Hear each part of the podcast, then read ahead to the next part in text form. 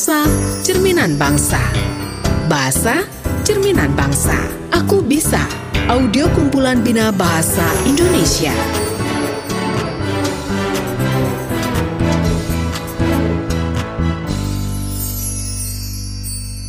Sahabat pintar, berjumpa kembali dalam program Aku Bisa.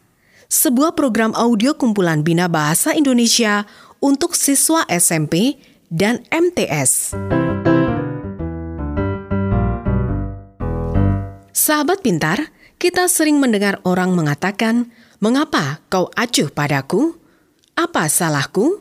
Dilihat dari konteks kalimatnya, kata acuh dalam kalimat tersebut dimaknai tidak peduli. Sudah tepatkah penggunaan kata tersebut? Nah, sahabat pintar, mari kita simak percakapan berikut.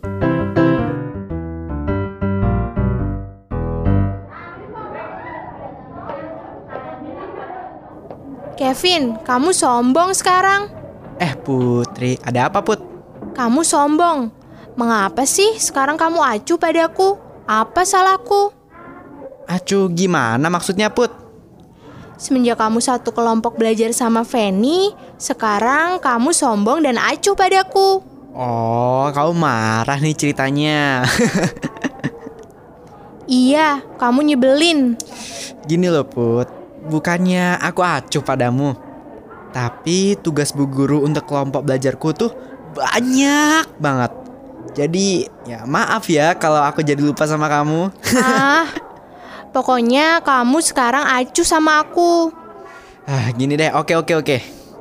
Sebagai permintaan maaf, aku traktir kamu bakso deh sekarang. Nah gitu dong, dua mangkok ya. Hah? Dua mangkok?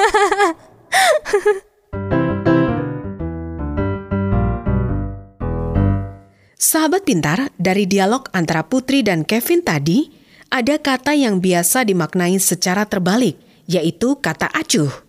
Kata acuh dalam Kamus Besar Bahasa Indonesia 5 berarti peduli atau mengindahkan. Namun kata acuh dalam penggunaan sehari-hari sering dimaknai sebaliknya.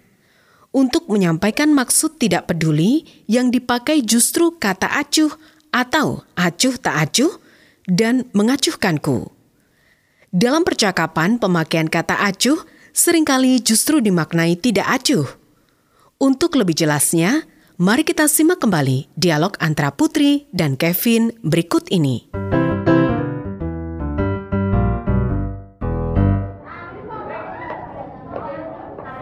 Kevin, kamu sombong sekarang.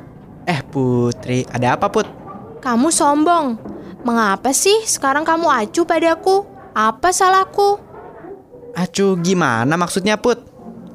Semenjak kamu satu kelompok belajar sama Feni, sekarang kamu sombong dan acuh padaku. Oh, kamu marah nih ceritanya. iya, kamu nyebelin. Gini loh Put, bukannya aku acuh padamu. Tapi tugas bu guru untuk kelompok belajarku tuh banyak banget. Jadi ya maaf ya kalau aku jadi lupa sama kamu. ah, pokoknya kamu sekarang acuh sama aku.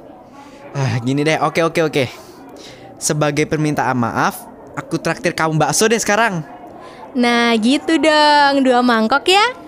Hah? Dua mangkok?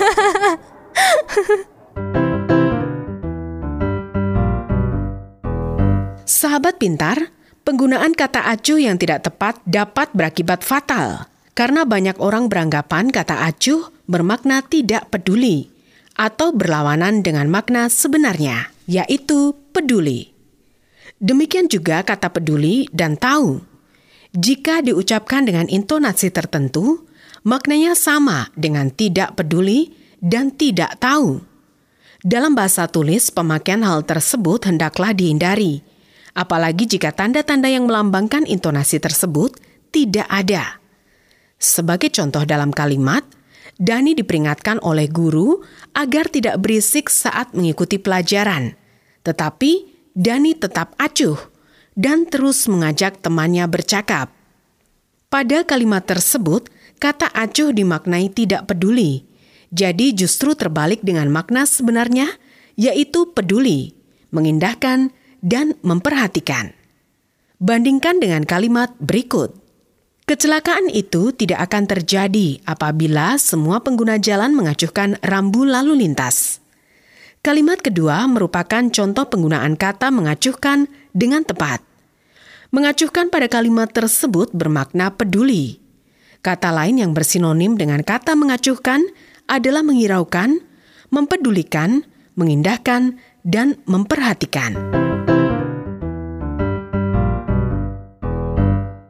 Nah, sahabat pintar, sekarang coba perhatikan dua contoh kalimat berikut. Satu, lelaki itu tidak bergeming meskipun anaknya menangis keras ingin dibelikan jajanan. Politikus itu tetap bergeming dan teguh pada pendirian yang diyakininya. Sahabat pintar, pada kalimat pertama, kata tidak bergeming dimaknai tidak bergerak atau tidak terusik meskipun anaknya menangis.